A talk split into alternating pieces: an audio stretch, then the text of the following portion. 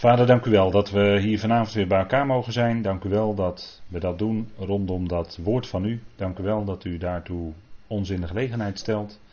Dank u wel dat we in alle vrijheid dat met elkaar mogen doen.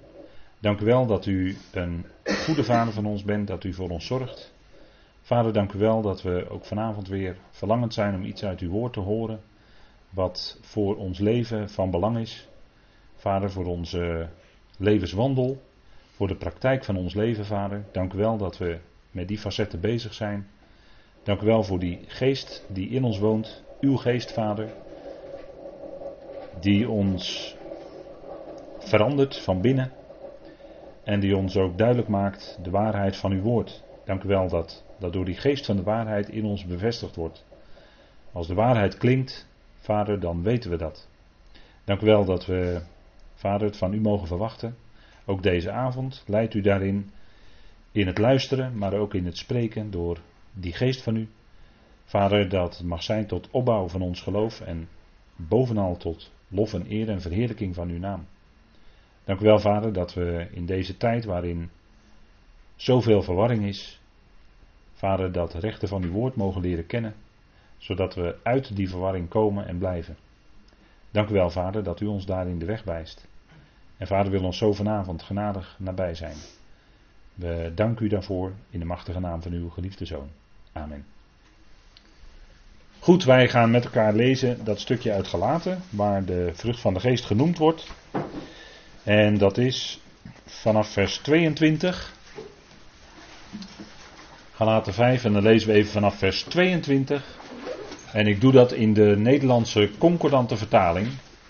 En ik zeg het nog maar een keer, dat is tegenwoordig in een prachtig boekwerkje beschikbaar. Dan heeft u zes brieven van Paulus bij elkaar in concordante vertaling. En dat is toch denk ik erg fijn, want dan ben je dichter bij de grondtekst. Dan ben je beter geïnformeerd vanuit de grondtekst in het Nederlands. En we lezen daarvan vanaf vers 22. En daar staat: De vrucht van de geest is echter liefde, vreugde, vrede, geduld, mildheid, goedheid, geloof, zachtmoedigheid, inhouding. Tegen zulke dingen is de wet niet. Wie nu van Christus Jezus zijn, kruisigen het vlees tezamen met de hartstochten en de begeerten. Indien wij leven in de geest, volgen wij in de geest ook de grondregels op. Laten wij niet aanmatigend worden, elkaar uitdagend, elkaar benijdend. Tot zover deze woorden uit de Galatenbrief. En we denken met elkaar vanavond na over die facetten van vrede. Daar wil ik toch nog even op doorgaan. In aansluiting op de vorige keer. En het begrip geduld. En vrede, we hebben het net al gelezen, is een aspect van de vrucht van de geest. Dus als die geest in ons werkt, dan werkt in, ook, werkt in ons ook die vrede van God. En dat is wat de apostel Paulus ook zegt in Romeinen 8. En daar wordt gesproken over de gezindheid van de geest. En wat is die gezindheid van de geest? Die gezindheid van de geest is leven en vrede. En dat stelt Paulus daar in Romeinen 8 tegenover de gezindheid van het vlees. En de gezindheid van het vlees is eigenlijk de dood. Hè, want tegenover leven staat dan de dood. Hè. En ook vijandschap tegen God. Dat is de gezindheid van het vlees. En laten we dat heel even met elkaar lezen in Romeinen 8. Want de Romeinenbrief en de Galatenbrief, dat weet u wel, denk ik, die hebben heel veel raakvlakken met elkaar. En in de Galatenbrief gaat Paulus ook wat hij noemt al in de Romeinenbrief over de wet en over genade. Maar daar gaat hij in de Galatenbrief nog eens heel erg diep op in. En dat is nodig ook, omdat ook vandaag de dag er allerlei judaïstische dwaalleraren zijn. En Toen de tijd heten zij, Juda, die zijn er trouwens vandaag ook nog wel hoor, vanuit, rechtstreeks vanuit het Judaïsme. En het Judaïsme is het Jodendom. dat zijn de orthodoxe Joden die zich erg bezighouden met de bestudering, althans bestudering van de Torah, maar misschien moet ik toch nog wat meer zeggen, de bestudering van de bestudering en de uitwerking van de Talmud. want als die uh, jonge uh, Joden naar de Talmud school gaan, de yeshiva gaan, dan studeren zij vooral de Talmud. Dus dat wat, en dat is een weerslag van wat de rabbijnen in de loop van de tijd hebben gezegd naar aanleiding van de Torah. Er staat zeg maar uitleg van de Torah in. En uitleg hoe de geboden dan in het praktische leven uitgewerkt moeten worden. En dat zijn eh, eigenlijk bijna eindeloze commentaren. En waarbij de ene rabbi dit heeft gezegd en de andere rabbi heeft daar weer op gereageerd. En weer een andere rabbi heeft er weer op gereageerd. En nou ja, goed, dan heb je een heel stelsel van allemaal tradities, van allemaal overleveringen. Wat de rabbijnen dan in de loop van de tijd ervan hebben gezegd. En dat heeft zo zijn neerslag gevonden in de Talmud. Nou, dat is het Jodendom. En het Jodendom kenmerkt zich ook door een strikt, als je tenminste de orthodoxen hebt, door een strikt wettisch karakter. En daarin heb je ook net als in Nederland allerlei groepen. De een is dan strikter dan de ander.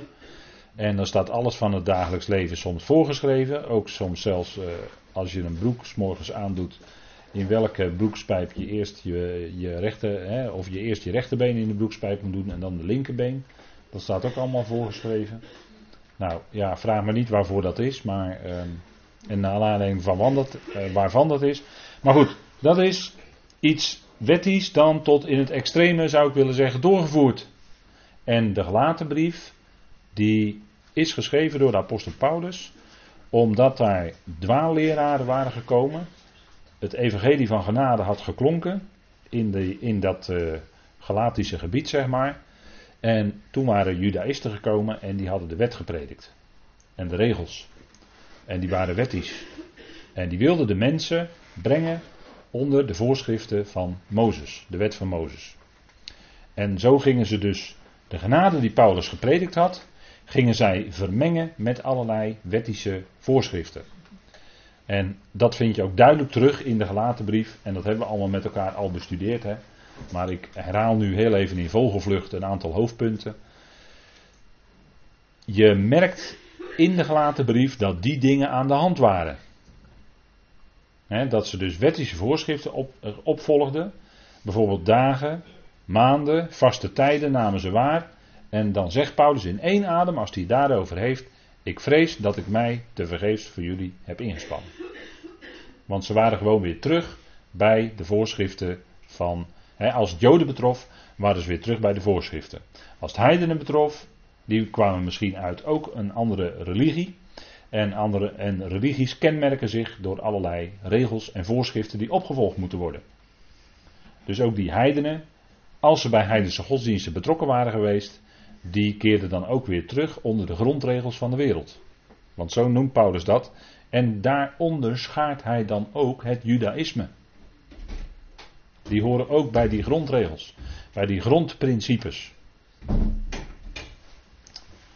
En het punt is natuurlijk dat Paulus voluit die genade predikt, de genade van Christus Jezus.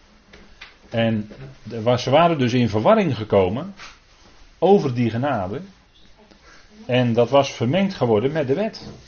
En dan wat, wat je dan overhoudt is geen evangelie meer, zegt Paulus. En ja, als je, als je niets meer overhoudt. Want in feite dat is juist uh, dat is, uh, de ernst van dat eerste hoofdstuk. Daarin heeft Paulus het over die verwarring. En afgelopen zondag waren we dus bezig met de wapenrusting. En toen heb ik dat ook heel even aangestipt. Dat dus verwarring maken, dat is een van de strategieën, dat is een van de tactieken van de tegenstander, van de tegenwerker. Verwarring zaaien onder gelovigen. Dat gelovigen in verwarring komen. En het kan zelfs zo ver gaan dat ze zo ver in verwarring zijn gekomen. Dat ze misschien alleen nog maar weten dat Jezus voor hen persoonlijk gekruisigd is. dat hun zonden vergeven zijn. En meer, eigenlijk zijn ze niet zeker. Over de rest zijn ze niet zeker. Waarom niet? Omdat ze in verwarring gebracht zijn. Ook gelovigen die het evangelie van de apostel Paulus van genade hebben gekend tot en met. En die kunnen dan zo in verwarring gekomen zijn dat ze eigenlijk niets meer, bijna niets meer zeker weten. Ontzettend. Dan ben je dus je zekerheid kwijt. En, en dat, vind ik, uh, dat vind ik gewoon heel verdrietig als dat gebeurt voor die mensen. maar het punt is dat Paulus juist in die brief aan de Galaten, die Galaten weer terug wil halen uit die verwarring waarin ze gekomen waren. Weer terug op het spoor, op het spoor van de genade. Want dat is het spoor waarin we zouden blijven lopen. En de mens is nu eenmaal heel gevoelig voor religieuze voorschriften, voor iets, uh, iets willen doen voor God.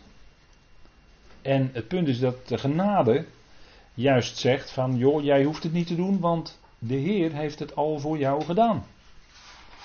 Het is een geschenk. En dat mogen we gewoon aannemen. En ook dat aannemen is geen werk van ons. Maar dat geloof schenkt ook Hij in ons hart. En als we het kunnen aannemen, is dat ook van Hem in feite. Anders, anders kan het niet zijn. Dus het is louter, puur genade. Daar komt geen vermenging van onze werken aan te pas. En dat wij goede werken hebben, hè, dat God tevoren goede werken heeft klaargelegd, dat wij daarin kunnen wandelen. Tuurlijk, dat is waar. Dat is waar. Maar dat is niet iets wat wij dan vervolgens in rekening kunnen brengen als toevoeging aan de genade. Nee, dat wij die goede werken kunnen doen is ook genade. Dat wij de Heer kunnen dienen is ook genade. Dat is ook niet van onszelf. Maar Hij zet ons dan in, Hij gebruikt ons dan in Zijn dienst. En dat is genade. Dat zegt Paulus toch allemaal in 1 Korinthe 15. Ik heb meer gearbeid dan al die andere apostelen. Dat was geen opschepperij van Paulus. Maar dat hij zei daarbij, eh, niet ik, maar de genade van God die met mij is. Het was, en die genade van God was die opstandingskracht die in hem werkte. En door die opstandingskracht kon hij meer arbeiden dan al die anderen. En we hebben zondag ook even gehad over hemelvaartskracht. Nou, die kracht, die werkt in ons, hè. En dat is wat. En die geest werkt in ons, en dat is heel bijzonder. Wij hebben dus niet de geest uit de wereld ontvangen, maar de geest die uit God is, zegt Paulus. Opdat we zouden weten wat God ons in genade geschonken heeft. Alsjeblieft. Dat is 1 Korinthe 2, hè? Nou, hij schenkt ons zijn geest, dat is een kostbaar geschenk in ons hart. En de gezindheid van die geest, en die kenmerk van die geest, de houding die die geest in ons bewerkt, is leven en vrede. Nou, daar gaat het om. Hè? En er staat in Romeinen 8 dan. De gezindheid van het vlees is de dood. Nou, ik zei het net al. Hè? De gezindheid van de geest is de dood. Maar de gezindheid van de geest is leven en vrede. Ziet u, staat tegenover elkaar. Gezindheid van vlees is de dood. Gebroken relatie met God. En de gezindheid van de geest is leven. Het leven wat wij hebben ontvangen. Het eonische leven in Christus Jezus. Dat hebben wij ontvangen. En dat is een genadegeschenk. Dat is een genadegeschenk, hè? eonisch leven. Dat kan dus nooit ons afgenomen worden. Nooit.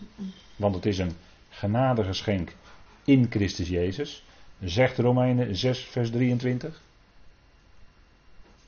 En die gezindheid van de geest is dus leven, relatie met God, levende relatie met God. En dus ook vrede. Want als je een levende relatie met God hebt, dan heb je een levende relatie met de God des vredes. De God van de vrede. Dat hebben we de vorige keer gezien aan het eind van de avond. Wie is de bron van alle vrede? Dat is God. Alle vrede komt bij God vandaan. Werkelijke vrede dan heb ik het over, hè? Nou, hij is de God van de vrede. Zo staat dat een keer of drie in de schrift. Dat wil zeggen, hij is de bron van alle vrede. Alle vrede komt bij God vandaan. Er is vrede gemaakt door God, door het bloed des kruises op Golgotha. Hebben we ook de vorige keer gezien, hè? Colossense 1, vers 20. Een geweldige tekst. Maar er is vrede gemaakt door het bloed des kruises. En op basis daarvan verzoent God het heelal, alle schepselen, met zichzelf. Door hem, dat is door de zoon van zijn liefde. Want daar gaat het over in Colossense 1. Dat gaat van af vers 13 tot en met vers 23 gaat het over de zoon van zijn liefde. En door hem is ook die verzoening. We zijn met God verzoend door de dood van de zoon. Dat is de, dat, en wij leven nu, voor zover we nu leven, is het in zijn leven. Worden wij gered in zijn leven. Zijn opstandingsleven is ook het onze.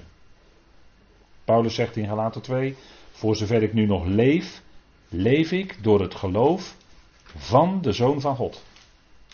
Dat, dat geloof van de Zoon van God en dat leven is in ons, maar dat is zijn leven. En u hoort al dat er niets van uzelf bij is. Het is allemaal van hem. Het is allemaal door hem gegeven. Nou, kijk, die, en we gaan even terug naar Romeinen 8. Hè. Maar de gezindheid van de geest is leven en vrede. Dat wil zeggen, wij als gelovigen zouden dus een houding uitstralen van vrede. Wij prediken in onze houding, als het goed is, vrede naar alle mensen toe. Paulus zegt dat toch in, in uh, Romeinen 12. Houd voor zover het van u afhangt, vrede met alle mensen. En hoe kan dat? Omdat wij die God van de vrede hebben leren kennen. Omdat wij het diepe besef in ons hart hebben dat op Golgotha vrede is gemaakt. En Paulus predikte dan ook het evangelie van de vrede.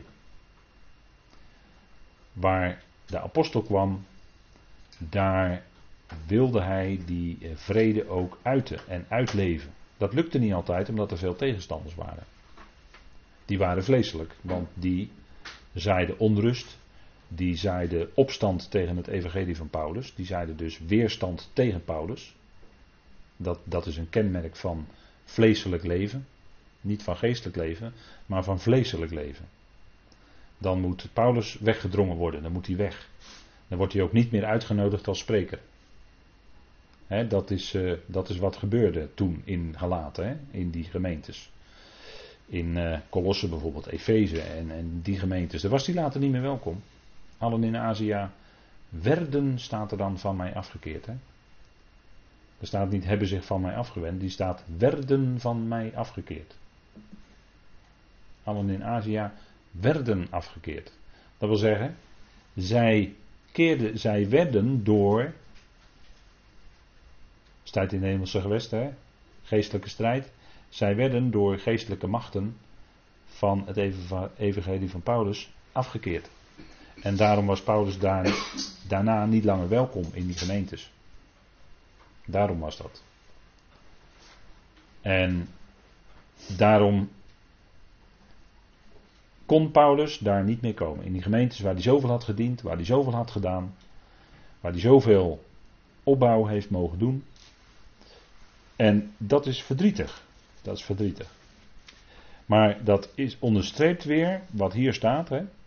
Want de gezindheid van de geest is leven en vrede. In die gezindheid wandelde Paulus. En wat hij tegenkwam was nogal eens de gezindheid van het vlees is vijandschap tegen God. Dat is de gezindheid van het vlees. Dat is het tegenovergestelde van vrede. Hè? Paulus is hier bezig met contrasten, met tegenstellingen. Gezindheid van de geest is vrede. Gezindheid van het vlees is vijandschap tegen God. En als je vijandschap hebt tegen God. Als je vijandschap hebt tegen God. Dan heb je geen vrede. Als je vijandschap hebt tegen God in je hart. Heb je geen vrede. Dat, dan is die gezindheid van het vlees dat kan ook bij gelovigen gebeuren hoor. Dat ze zich niet willen onderschikken aan God. Dan is het tot hier maar niet verder. Dan is er een bepaalde streep waar ze dan niet overheen komen. dan, dan, dan willen ze zich niet onderschikken. Ja, dat is een stukje vijandschap tegen God en dat is vlees. En het staat ook, want het onderwerpt zich niet aan de wet van God. En dat kan het ook niet. dat, dat is wat het onderwijs. Wet is Torah, dat betekent onderwijs. Het onderwerpt zich niet aan het onderwijs van God. En het onderwijs van God is uiteindelijk, zijn plan is uiteindelijk, dat allen zich aan Hem zullen onderschikken. Dat is Gods plan. Daar loopt het op uit. Er wordt vaak natuurlijk gezegd, en terecht, want het staat ook in de schrift, God alles in allen, is ook zo. Klopt, dat is Gods einddoel. Alleen de vlak daarvoor staat zes of zeven keer het woord onderschikken. En daar gaat het dus om in Gods plan. Daar, gaat, daar leidt het allemaal toe. Hè? Tot onderschikking aan God. Kijk, en dat vlees, dat wil zich niet onderschikken aan God. En de geest, als die in je werkt, die werkt in jou uit dat je onderschikt aan de wil van God, dat je onderschikt aan God en dat je een ootmoedige gezindheid hebt. Dat is, dat is de werking van de geest. want daar hebben we het hier over. We hebben het over vrucht van de geest. Avondenlang. En dat is niet voor niks dat we zo heel uitgebreid bij stilstaan. Dat is nodig. Dat we goed naar ons toe krijgen. Wat nou allemaal facetten van die geest zijn. En hoe dat dan uitwerkt. Waar dat dan uit blijkt dat die geest werkt. Nou, de, dat is het geweldige. Die geest bewerkt in ons leven en vrede. En het vlees kan zich niet onderschikken aan God. Dat, dat kan niet. Dat zit niet in dat vlees. En voor zover de Heer ons van ons gebruik maakt, is het omdat wij onze lichamen kunnen stellen tot een levend, heilig en God welgevallen offer. En dat je dat hebt gedaan, is ook een uitwerking van Gods geest in je. Want dat doe je ook niet uit jezelf. Maar dat is ook omdat het evangelie in je hart is gekomen. Dat die geest in je hart is gaan werken. En daar is het een uiting van. Dat je op een gegeven moment hebt gezegd van nou hier, hier heeft u mij helemaal. En gebruikt u mij maar in uw dienst. Gebruikt u mij maar. Ik wil er voor u zijn. Ik wil van u zijn. Nou, dat is een werking van de geest als u dat gezegd hebt. Nou, en dan heb je ook vrede. Hè? Dat brengt ook vrede in je hart, want daar gaat het om. Hè, dat is de vrede die uh, een uiting is van dat je tot vrede bent gekomen met God. Hè? Die vrede met God. Wij dan gerechtvaardigd, hebben we vorige keer gezien. Hè? Ik vind het een hele fijne tekst uit Romeinen 5 vers 1. Wij dan gerechtvaardigd uit het geloof, en dat is het geloof van Jezus Christus, hebben vrede met God, of vrede naar God toe, staat er letterlijk, door onze Heer Jezus Christus. Dat is een tekst die zou je als gelovige in je hart hebben en zo in je op kunnen, zo kunnen weergeven. Hè. Het, uh, vroeger had je de navigators en die uh, hadden een cursus met allemaal uh, tekstjes op losse kaartjes. En dan, dan, kon je steeds die teksten uit de Bijbel kon je dan memoriseren. Hè. Die kon je, en dat is een hele goede methode. Waarom? Nou, dan heb je Gods woord. Dat, dat leer je eerst en dan zeg je ja, dat leer je eerst net alsof je op school zit. Maar op momenten komt dat heel erg te pas en komt het ineens in je gedachten als je het nodig hebt. Als je dat hebt gememoriseerd vroeger. Dus een hele goede methode. Want dan is Gods woord in je. En op het juiste moment komt dat woord van God dan naar boven in je. En kun je ook, hè, over wapenrusting gesproken, kun je pareren de tegenstander. De vurige pijlen enzovoort. Dat is heel goed. Hè? Dus Gods woord. Misschien zeg je, ja, het begint in mijn hoofd. Hè? Ik leer het eerst uit mijn hoofd. Maar dan komt het ook in je hart. Dan gaat het in je hart komen. Dan gaat het werken in je. Nou, die vrede. Vrede met God. En het punt is dat die vrede nog, nog verder gaat. Kijk, in alle brieven van de apostel Paulus, daar wil ik toch ook even bij stilstaan. Ook daar vinden wij dat begrip vrede terug. Elke brief van Paulus, en zelfs ook de andere brieven hoor, van andere apostelen, die beginnen met genade en vrede. En juist als het bij Paulus klinkt, heeft die vrede zo'n hele diepe betekenis. Omdat, die, omdat dat evangelie, dat is eigenlijk het evangelie van de vrede.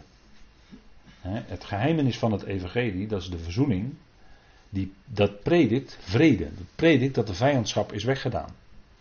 En daarom begint ook elke brief van de apostel Paulus met genade en vrede voor jullie. Van God de Vader en van de Heer Jezus Christus. Nou, als je een brief krijgt en die begint hiermee, ik denk dat je dan al gelijk op de drempel van de brief al blij bent. Want hier word je blij van als dit naar je toe komt. Hè? Dat zijn toch hele fijne facetten, denk ik. En dan kun je zeggen, ja, de Grieken die groeten elkaar met garin, hè, het woord garis in die tijd. En de Joodse mensen, doen ze nog steeds, die groeten elkaar met het begrip shalom. Dat weet ik allemaal wel. Dat weet ik allemaal wel. Maar dat is niet de diepste reden waarom dat hier aan de, in de brieven staat natuurlijk. Genade en vrede zijn namelijk de facetten van het evangelie wat Paulus mocht brengen. Genade als een, als een uiting van hè, dat wij gerechtvaardigd zijn om niet.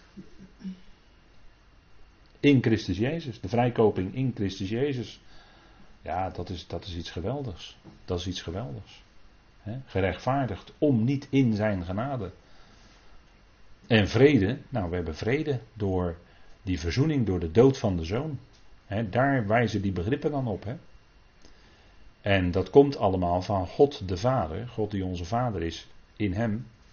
En van de Heer Jezus Christus. Nou, dan denk ik van, dan ben je eigenlijk rijk als je deze brief en die andere brieven binnenstapt. Als deze woorden naar je toe komen. God schenkt ons genade. Wij, dat leren we ook in de gelaten brief. Wij leven in genade. Dat is ons leefklimaat. Wij leven niet in wet, want die gelaten werden teruggezet naar een leefklimaat van in wet. Jullie die, zegt Paulus in Gelaten 5, hebben behandeld. Jullie die in wet gerechtvaardigd willen worden. Staat er letterlijk. In wet. Dat wil zeggen in een leefklimaat van wet. Van wetticisme dus. Dus die gelaten waren weer teruggebracht in wet in een leefklimaat van wet. Maar daar zouden gelovigen niet in leven. Want de waarheid is dat wij leven in een leefklimaat van genade. We leven en staan in genade. Romeinen 5. Ben er weer, hè? Wij staan in deze genade, zegt Paulus. 5 vers 2. Dan zit ik in vers 2. Wij staan in deze genade. En dat niet alleen, nee, wij leven, ons hele leven is helemaal in genade. Dus het is eigenlijk, als ik het op zijn Jiddisch mag zeggen, mesjokken, als je in wet teruggaat. Ja, ja. Ja. En daarom zegt Paulus in Galaten 3: Wie heeft jullie betoverd? Betoverd. En dan gebruikt hij een heel, heel sterk woord daar hoor, in die context Galaten 3. Ze waren in een soort zinsbegoocheling gekomen. Ze leefden niet meer in wet. Uh, ze sorry, ze leefden niet meer in genade. Maar ze waren teruggezet in wet. Dat was aan de hand daar. Maar dan heb je geen vrede. Laat ik u dat wel vertellen. Als je leeft in wet, heb je geen vrede. Waarom niet? Nou, je doet nooit goed. Je zit altijd tekort te schieten. Je doet het nooit goed. Dat is de wet. En druk je altijd naar beneden. Geef je altijd een schuldgevoel. Is niet waar, maar het is een gevoel, schuldgevoel. Is niet waar, want wij zijn onbeschuldigbaar. En wij zijn gerechtvaardigd. En er is geen veroordeling. Maar dat is wet. Dat is ons wettische denken. Wat ons dan te grazen neemt. En dat was bij die gelaten aan de hand. En wat doen gelovigen? Gelovigen die gaan nadat ze jaren in de genade hebben geleefd, gaan gewoon weer terug onder de wet. En dan ben ik verbijsterd. Als ik dat zie gebeuren. Als ik daarvan hoor. Echt, dan ben ik echt verbijsterd. Dan denk ik, hoe is het mogelijk? Want dat gaat dan ineens heel snel. Dat zegt Paulus ook tegen die gelaten. Jullie hebben je zo snel laten overzetten in een, ander soortig, in een andere evangelie. Een ander soortig evangelie. En dat is geen evangelie. Maar Paulus zei dat het heel snel was gegaan. En dat zie je ook in de praktijk gebeuren. Mensen die onder de genade leven, als ze onder de wet gaan, is het supersnel. Ineens zitten ze weer onder de wet. Voor je het weet. Dan denk je van ongelooflijk. Maar dat is de tegenwerker. Dat, dat, is, dat is de strijd. Dat is de geestelijke strijd. Die er is. maar het gaat erom dat we zouden blijven bij dat evangelie van de apostel Paulus. Want dan ervaar je die genade. Kijk, genade levert vrede op. Als je beseft dat je volkomen leeft in genade. Dan heb je ook vrede van binnen. Die dingen, die dingen horen echt bij elkaar hoor. En, en die vrede, die, die, die werd, bij die gelaten was die al weg. Er was onderlinge strijd, ruzies, eh, partijschappen, noem alles maar op. Het is een heel bedenkelijk rijtje wat, uh, wat klinkt in gelaten? Wat, wat, vlak voor die vrucht van de geest staat. Het is een heel bedenkelijk rijtje, allemaal werken van het vlees. Nou, er zitten partijschappen bij, er zit van alles bij, dat soort dingen. Dat heb je allemaal onder de wet. En de een die wil nog strikter onder de wet dan de ander. Dat zie je in het Jodendom, dat zie je bij de gereformeerden, dat zie je bij de Baptisten. Nou, moet ik nog doorgaan? Zo is het. En kijk, het punt is dat die vrede wordt door de geest gewerkt. En die geest is de geest van de genade. De waarheid voor vandaag is dat het genade is waarin we leven. En, en zolang we dat kunnen doen, zullen we dat altijd blijven benadrukken dat het gaat om genade. Dat is het fundament. Dat hoort bij de fundamentele pilaren van het evangelie van Paulus. Ja, en die werden bij de gelaten aangetast. Die, die fundamenten. En vandaar dat Paulus zo vreselijk fel is in deze brief.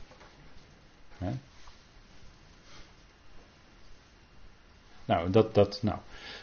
Vrede. En er staat ook in Romeinen 12. Ik haalde het daarnet al heel even aan. En er staat voor onze praktijk, voor onze praktijk, voor onze wandel van elke dag. Want dan krijgen we met allemaal mensen krijgen we te maken.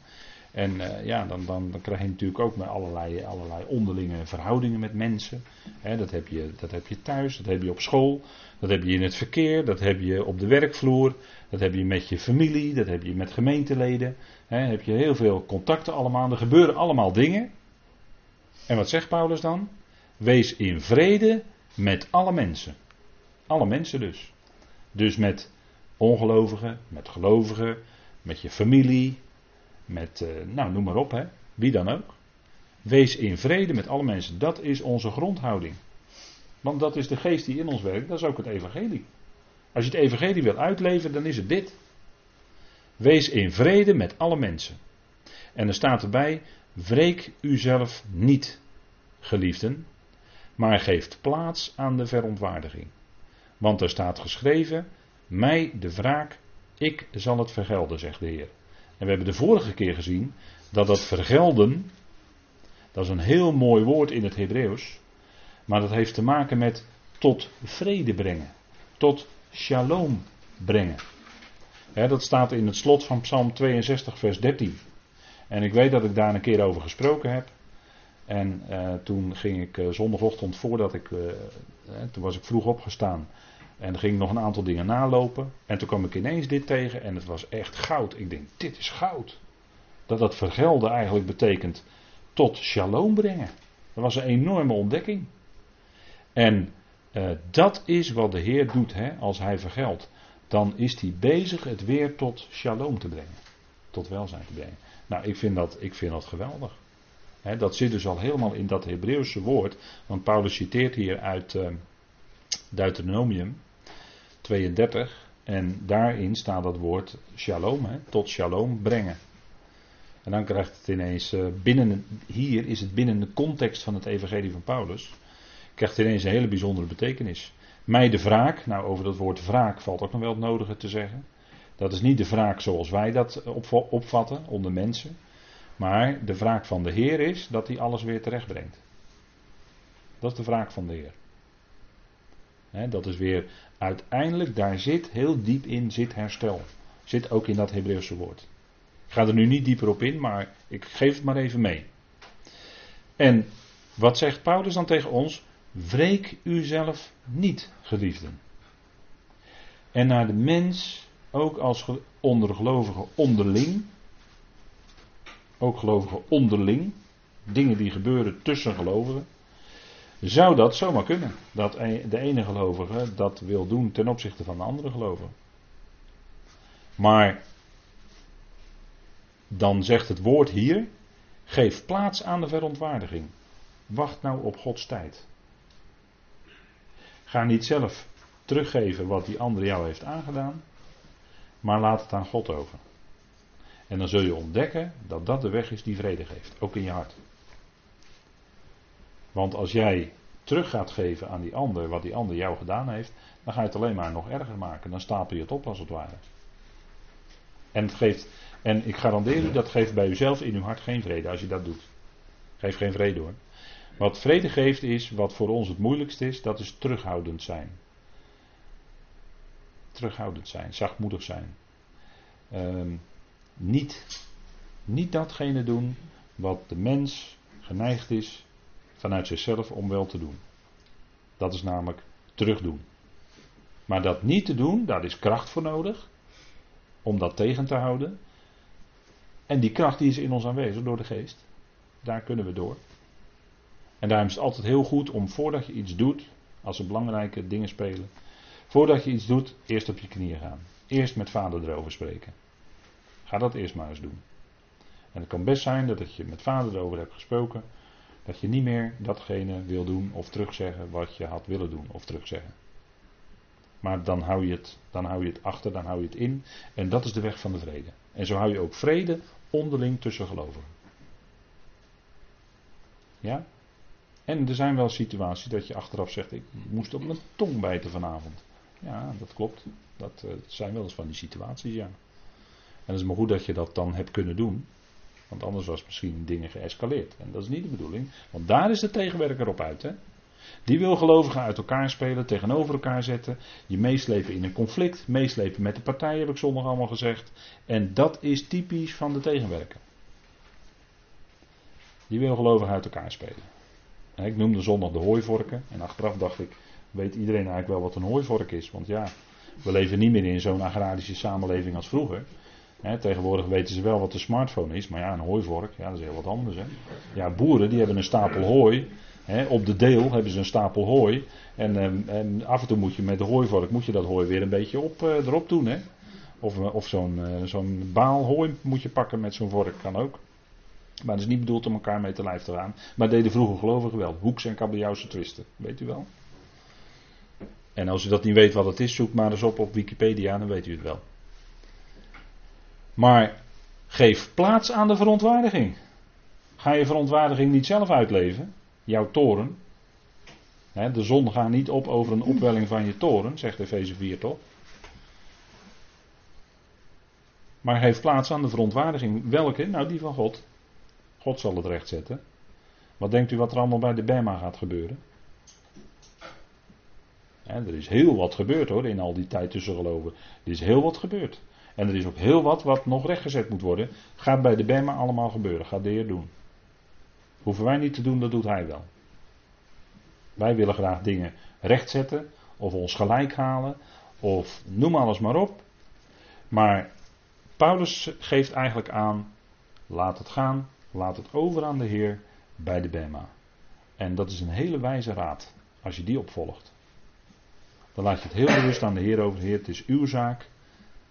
Ik geef het aan u. En bij de Bema zal het allemaal blijken. En daar zullen ook alle motieven van de harten openbaar worden. De motieven waarmee jij dingen hebt gedaan. En die zijn niet voor een ander altijd te lezen. Maar je kent je eigen motieven. Als je recht voor de Heer bent, dan is het goed motief. En al lijkt dat bij een ander heel anders te zijn, of heel anders over te komen, kan best zijn. Maar de Heer kent je hart, kent je motieven en dat zal bij de Bema allemaal gaan blijken. En dat zeg ik niet zomaar, dat staat in de Bijbel. Dit staat in 1 Corinthië 4 wat ik nou zeg. Maar daar zal het allemaal blijken. Hè? Dat zal de Heer dus doen. Geef plaats aan de verontwaardiging. Hè?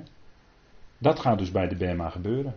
Maar de Heer gaat toch niet meer praten over zonde daar? Nee, dat gaat ook helemaal niet over zonden daar. Kan niet, want we zijn gerechtvaardigd. Onmogelijk. Maar wel onze praktijken. Die zullen daar wel beoordeeld worden. Hè? De praktijken. Dat wat wij hebben gedaan door het lichaam, staat er dan hè, in 2 Korinthe 5, vers 10. Dat zal daar allemaal door de Heer beoordeeld worden. Niet onze zonde, er wordt niet over gesproken. Kan ook, kan ook niet, want we zijn gerechtvaardigd. Maar al onze praktijken, dus ook al onze onderlinge dingen die gebeurd zijn, zal daar allemaal blijken en daar door de Heer allemaal rechtgezet worden. En dan uiteindelijk na de Berma staan we echt met alle neuzen in dezelfde richting. En dat lijkt me een heerlijk moment hoor. Dat lijkt me echt geweldig. Maar dat zal gaan gebeuren, dat gaat de Heer zelf al doen. Aspect van de vrucht van de geest. En we stappen nu dan even over van die vrede, hè, want uh, ja, vrede van God. Hè. Dat is dat geheim van Paulus. Wat was nou het geheim van de apostel Paulus? Was dat hij voor alles kon hij bidden met smeking, met dankzegging. Dat was het geheim. Met dankzegging. Waarom? Omdat God het is die ten diepste alles doet samenwerken tot het goede.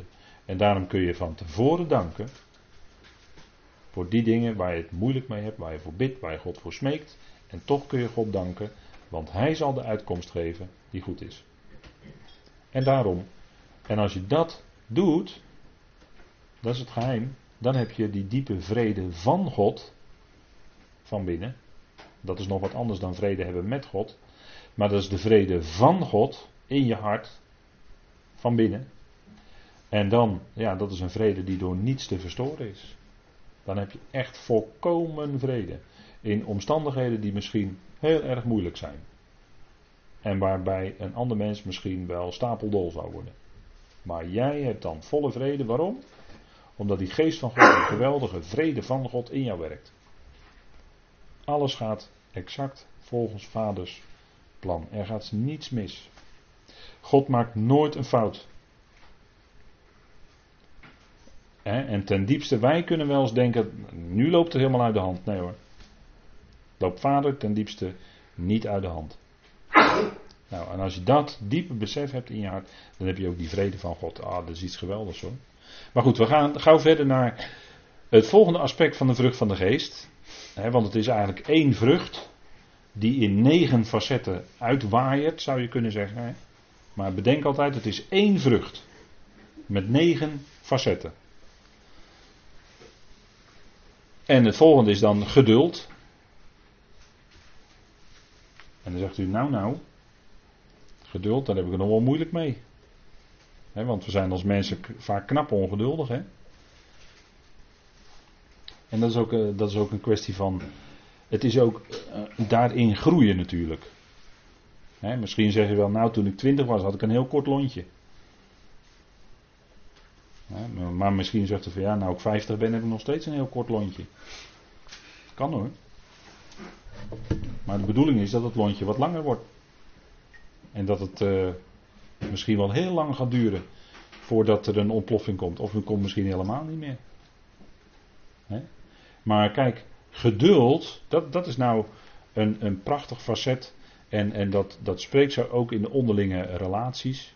want iemand heeft wel eens gezegd, die eerste drie aspecten zou je kunnen zeggen, dat is jouw relatie met God. Naar God toe vooral. En vanuit God. En die tweede drie aspecten die dan komen, geduld. En wat hebben we dan nog meer? Ehm, geduld, mildheid en goedheid. Daarvan zou je kunnen zeggen dat is vooral heel sterk onderling. Hè? Tussen gelovigen onderling. Of tussen jou en de andere mensen onderling. Nou, geduld hè. En dat is, dat is heel bijzonder hoor. Dat, dat, uh, want ja, daar, daar zit natuurlijk ook heel wat kant aan. En dat is ook, uh, hè, dat, dat, dat, dat, wil, dat hoor je vaak. Ja, ik wil graag lekker praktisch. Nou, dat gaan we nu doen. God is geduldig. Daar wil ik toch mee beginnen. God is geduldig. God is geduldig. Want het moet allemaal van God komen. als u zegt, nou wat is nou de bron van alle geduld? Dat is ook God natuurlijk. Want die is de bron van al die dingen. dat kan niet anders. God is geduldig. En wat hoe onthulde God zich aan Mozes op de berg? Nadat ze door de Rode Zee waren getrokken. u ziet daar dan die, dat kaartje, dat, eh, die uh, soort fotoachtig uh, computer. He, daar ziet u de Rode Zee, daar waren ze dan doorheen getrokken. En dan kwamen ze bij de berg Sinai. En toen onthulde God zich aan Mozes. En wat, wat riep hij toen over zichzelf? Er staat toen JW. Dat is, vaak wordt dat vertaald met Sommigen vertalen met Jehovah, maar daar wil ik toch een beetje bij wegblijven. Yahweh wordt vaak vertaald. Maar als je het letterlijk vanuit het Hebreeuws overzet, is het IEW. Dat zijn die vier letters van de naam. De Joden spreken de naam niet uit. Maar dan zeggen ze de naam, Hashem, zeggen ze dan. Of Adonai in plaats van JW. Zeggen ze ook. Toen JW bij hem voorbij kwam, hè, dat is hij die was, die is en die komt, eigenlijk. Als je die naam, want er zitten zit allemaal tijdsvormen in van het Hebreeuws. En als je die naam helemaal uitschrijft, dan zeg je, hij die was, die is en die komt. Toen JW hem voorbij kwam, riep hij, JW, JW, al. En wat is al? Al is de titel van God in het Hebreeuws. En dat betekent onderschikker. Dat is Alef Lamet in het Hebreeuws. En dat betekent onderschikker. En dan kennen we ook Alue, dat is A-L en dan een waf en een he. En dat is diegene die naar God toe werkt, die op God gericht werkt. Dat is eigenlijk een aanduiding van Christus Jezus. Ik zeg nu even heel snel en heel, heel, heel, heel eenvoudig, zo eenvoudig mogelijk. En dan hebben we ook alueim, dat is de meervoudsvorm. En dat zou je letterlijk moeten vertalen met goden, maar dat wordt ook vaak met God vertaald, omdat het dan toch gaat over JW. En hoe dat kan, dat heeft ermee te maken dat de geest van God werkt in degene die naar God, op God gericht werkt en op die, wat wij dan zeggen, goden. En omdat dat zo is, wordt ook soms die meervoudsvorm gebruikt. En dan is het toch eigenlijk een activiteit van God. Maar dat heeft te maken met de werking van de geest van God. Maar dat is even een uitstapje. Mag u zo weer vergeten, want dat is misschien wat moeilijk. Maar al is de onderschikker. En de letter Alef, daar begint die titel mee. De letter Alef is de één in het Hebreeuws. En dat is de letter van God. Dat is de letter die die ene. Want er is maar één God. Zijn er geen twee. Er is maar één God. Zijn er zeker geen drie. Maar er is maar één God. En dat is JW. Dat is al. En de letter Alef duidt op die ene God. En de Lamet, dat is eigenlijk de herderstaf. dat is de. Als ik het goed zeg, is dat de 30 in het Hebreeuws, de, de getal 30. En dat is de herderstok of de herderstaf, de staf die sturing heeft, die richting heeft. Dus de titel al wil eigenlijk zeggen, hij die aan alles sturing en richting heeft. Die ene die aan alles stuurt, bestuurt en leidt. Dat zit eigenlijk in die twee Hebreeuwse letters, wat ik nu zeg. En dat is ook wat God doet. Hij brengt alles tot onderschikking aan zichzelf. Hoe doet hij dat? Door zijn geest. En wat is hij? Want we gaan nu, ik ga nu weer verder, want ik, ik ga niet verder dieper in op deze dingen. Dat is misschien weer voor een andere keer. Maar wat is hij? Hij is barmhartig. Dat spreekt van innerlijke bewegingen. Het innerlijk. Hij is barmhartig. En die barmhartigheid komt ook naar buiten toe dat hij omzag naar zijn volk in Egypte, dat in nood en verdrukking en lijden was. Maar hij zag om naar zijn volk, dat zit in barmhartigheid. En genadig, genadig. Geduldig, daar komt het. Geduldig, hij is geduldig. Hij is geduldig. Dus u ziet dat geduldig zijn een van die kernaspecten is van God, die uitgeroepen worden toen hij Mozes voorbij ging. Dus dat is een belangrijk punt in God, hè? dat hij geduldig is, dat hij geduld heeft. Dat hij geduld heeft met u, met jou, met mij. Hij is geduldig.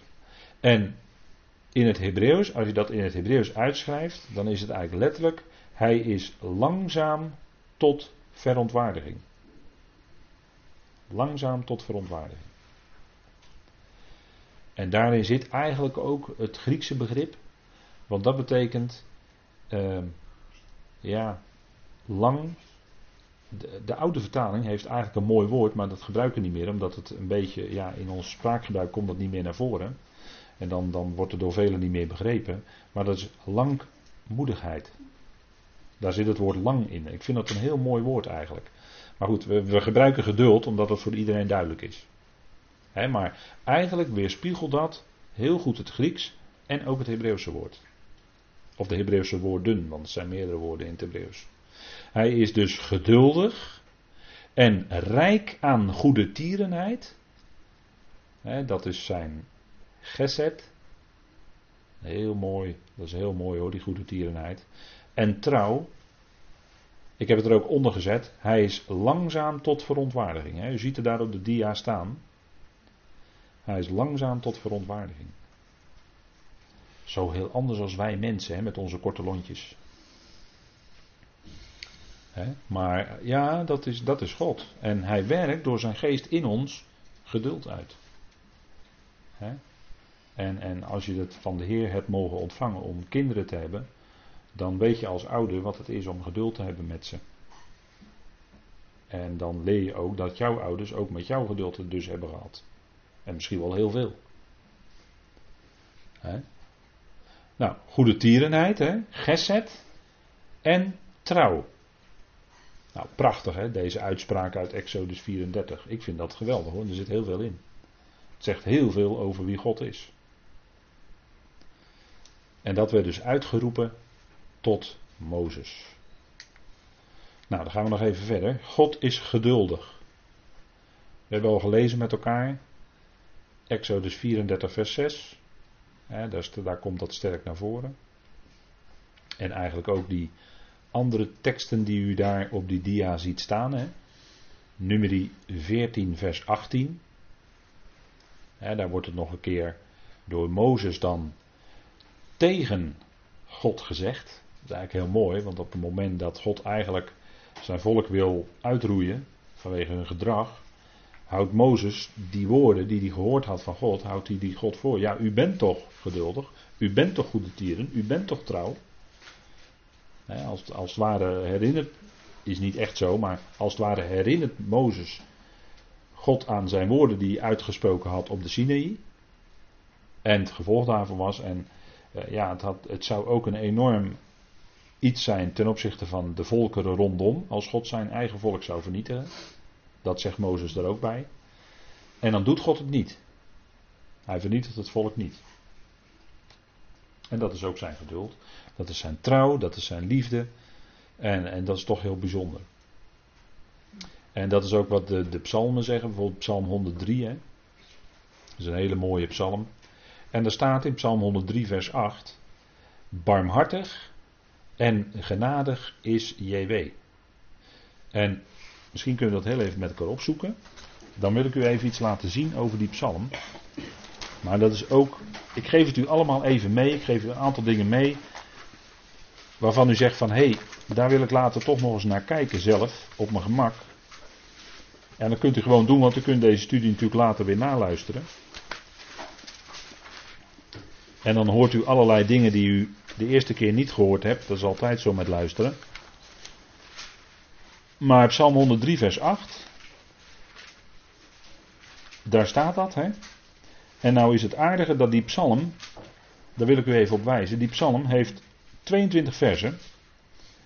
En in de Statenvertaling, daarmee bedoel ik toch een beetje de klassieke Statenvertaling, daar staat bij elk vers een Hebreeuwse letter. Want het Hebreeuwse alfabet bestaat uit 22 letters. Dit vers, dit, deze psalm bestaat ook uit 22 versen. En elk vers heeft dus een Hebreeuwse letter. En dat is het bijzondere dat elk vers begint met die betreffende Hebreeuwse letter. En nu is vers 8, dat is de letter get in het Hebreeuws. En die heeft ook als getalswaarde 8. En 8 is in de schrift het getal van een nieuw begin. 8 is ook het getal van een nieuwe schepping. En de, nou is het aardige dat de twee woorden, de eerste twee woorden, allebei beginnen met een get. Barmhartig en genadig is JW. In ieder geval, ik, excuus, ik twijfel heel even over het woord barmhartig. Maar in ieder geval het woord genadig, dat is met een get. Dat is gen in het Hebreeuws. Daar kennen we ook het woord gein van. Hè? Dat is geinig. Dat komt eigenlijk van het woord gen. Betekent genade. En dat vind ik eigenlijk best wel geinig. Maar wat hier staat van de Heer is natuurlijk geweldig. Hè? Barmhartig en genadig is JW. Geduldig en rijk aan goede tierenheid. En mensen die dan zo'n enorme tegenstelling zien, en dat roepen sommigen wel eens, van dat er een tegenstelling zou bestaan tussen de God van het Oude Testament en die van het Nieuwe Testament, dat wil ik toch wel bestrijden. Want als je dit leest over God, en dit staat toch echt in Tenach, dan heb je toch een ander plaatje, denk ik. Kijk, zo is God. En dat hij soms moet ingrijpen, ja, zeker. En daar waren altijd wel hele goede redenen voor. En dat het ingrijpen soms heel krachtig was, bijvoorbeeld ten tijde van Noach. Ja, daar waren, alle goede, er waren allemaal goede redenen voor natuurlijk. En je, je gaat het ook beter verstaan als je weet wat de uitkomst is van Gods plan. Kijk, als je dat niet weet, dan kan ik me zulke reacties wel voorstellen. Maar als je het wel weet, dat God uiteindelijk dus toch met iedereen tot zijn doel gaat komen, dat dus ook al die mensen die ten tijde van Noach verdronken zijn, later er toch weer zullen zijn, ja, dan wordt het een heel ander verhaal, hè? En dan wordt het beeld wat je hebt van God ook heel scherp bijgesteld. En dat doet de schrift natuurlijk. Alleen, je moet de schrift dan wel serieus nemen, dan bedoel ik, God bedoelt gewoon wat hij zegt. En daar kunnen we gewoon amen op zeggen. Wij hoeven niet te redeneren en te zeggen, ja, dat staat er wel, maar, en er komt een hele redenering, en is eigenlijk dus iets anders bedoeld. Alsof God niet in staat zou zijn te zeggen wat hij bedoelt. Maar dat heeft hij wel gedaan hoor. En dan kunnen wij gewoon zo aannemen dat het zo is. Kijk, als het hier in die psalm staat, dan is dat zo. Dan is God zo. Kunnen gewoon aannemen. Barmhartig en genadig is JW. Dat is zo allereerst omdat het daar staat. En dat blijkt ook uit zijn daden. Alleen je moet alles in over, je moet alles meenemen. Je moet niet blijven steken op de helft van het plan. Nee, als je het hele plan kent, dan heb je het hele plaatje. En dan ga je zien, hé, hey, ja, zo is het. Absoluut. Hij is geduldig en, en daar gaat het om hè, vanavond. Hij is geduldig en rijk aan goede tierenheid. Nou, dat is nogal wat, hè? Dat is nogal wat. Dat God zo is dus. Hij is geduldig. Dus hij heeft geduld met mij. Ja, hij heeft geduld met u, met jou, met mij. Ja, maar ik ben al 70 en ik doe, als ik nog eens kijk in mijn leven, wat ik dan soms nog allemaal voor onhandige dingen doe. Ah, God moet wel geduld met me hebben. Ja, hij heeft, hij heeft een heel leven lang geduld met u. Met mij ook. En dat gaat maar door, dat geduld.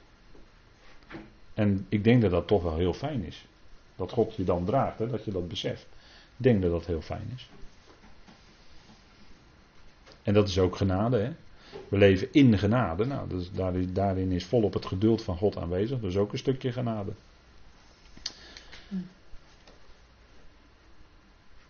En dan even, even nog voor de pauze. Spreuken, die zegt ook iets over geduld. En dan over onder mensen. Kijk, spreuken, wat is dit? Spreuken 14 geloof ik. Want ik kan het niet lezen achter uh, Tante Trusta.